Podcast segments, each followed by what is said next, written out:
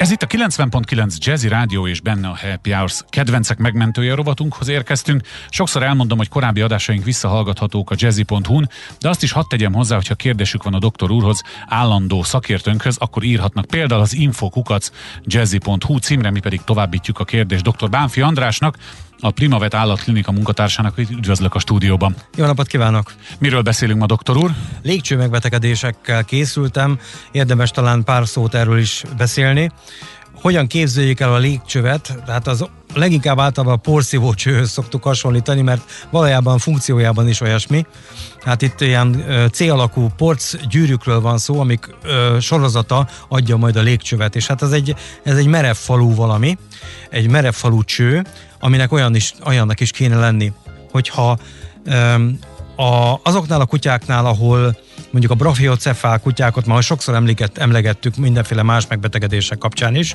Ezek a rövidorú kutyák, angol bulldog, francia bulldog, mops és társaik, ezeknél gyakori, hogy ezek a célakú porcok nem alakulni ki, nem jól alakulnak ki, nem elég jó minőségűek a porcaik, és ilyenkor ezt egy úgynevezett diszpláziás folyamatnak szoktuk, vagy diszpláziának szoktuk ezt hívni, légcső porc diszpláziának szoktuk hívni, nagyon sok kínlódást okoz ez a kutyának, sok oxigénhiány, stb.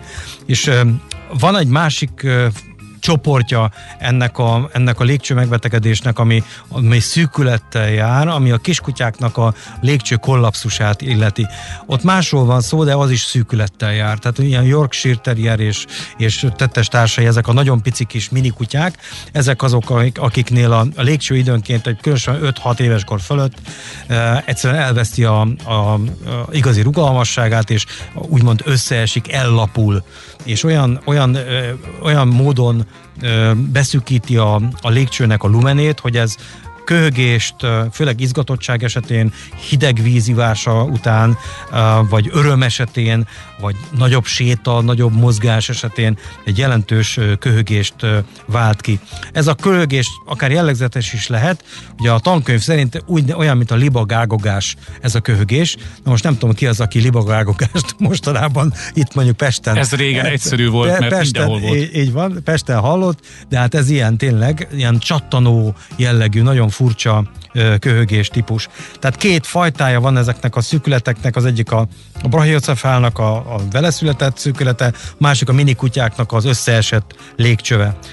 Nagyon nehéz ezeket gyógykezelni, hiszen nem tudjuk lecserélni a, a, a, a csövet, tehát a légcső az nem lecserélhető, nem húzhatunk be helyette mást, viszont van olyan lehetőség, hát gyógyszeres kezelést természetesen tudunk adni, ami egy kicsit az izgalmi állapotot tudja szüntetni, a köhögést tudja esetleg mérsékelni, stb. Nyugalmi állapotot tud létrehozni, de van a kistestű kutyánál olyan lehetőség, ami egy úgynevezett stand beültetést jelent, az azt jelenti, hogy egy ilyen összecsukott állapotban egy dróthurkot tesznek be a légcsőbe, és akkor az kinyílik a dróthulak, és kitámasztja tulajdonképpen belülről a, a légcsövet.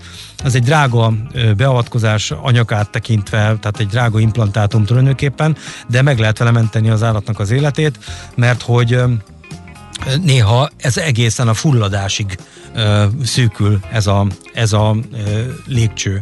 Természetesen a légcsőnek is vannak gyulladásos megbetegedése, a légcső hurut az egy, az egy eléggé ö, banális ö, megbetegedés, ami gyakran ö, akár gége, vagy, vagy torok ö, huruttal, illetve hát akár bronchitisszel, vagy akár tüdőgyulladással is társulhat, ö, de önállóan is meg tud jelenni.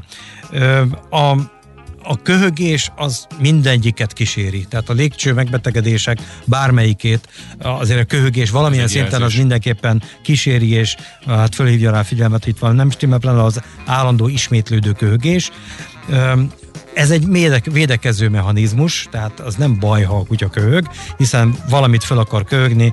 Hát jelez vele valamit. Jelez nem? is vele, meg valamit fel is akar, nyákot, esetleg kisebb idegentesteket, és természetesen ilyen módon tud eltávolítani a szervezetéből az állat is, meg az ember is, ezzel a légáramlat felgyorsulással, amit köhögésnek hívunk.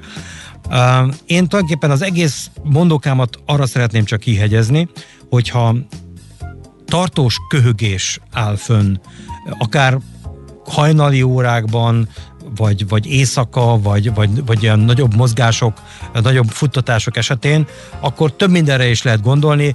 Valamelyik héten a szívbetegségekről beszéltünk, nyilván arra is lehet gondolni, de az is lehet, hogy mondjuk főleg a kistesti kutyánk van, arra is lehet gondolni, hogy esetleg a légcsővével van valami szűkület, és azzal kapcsolatosan van egy izga, állandó izgalmi állapot a légcsőben a kövégést kiváltóként. Tehát én azt gondolom, hogy a mondónk a lényege, hogy ha tartós köhögést tapasztalunk, akkor forduljunk állatorvoshoz, hogy kiderüljön, hogy valójában mi okozza ezt, mert lehet, hogy lehet rajta segíteni. Nagyon szépen köszönöm, nagyon hasznos információk, ezért az a rovatunk címe, ami reméljük, hogy így módon tudunk kedvenceket menteni, hogy hangsúlyozzuk a prevenció fontosságát, hogy rendszeresen látogassuk az állatorvost, ne spóroljuk el, ne akarjuk megúszni, mert aztán nagyobb baj is történhet. Dr. Bánfi Andrásnak köszönöm szépen, hogy itt volt velünk a héten. Én is köszönöm.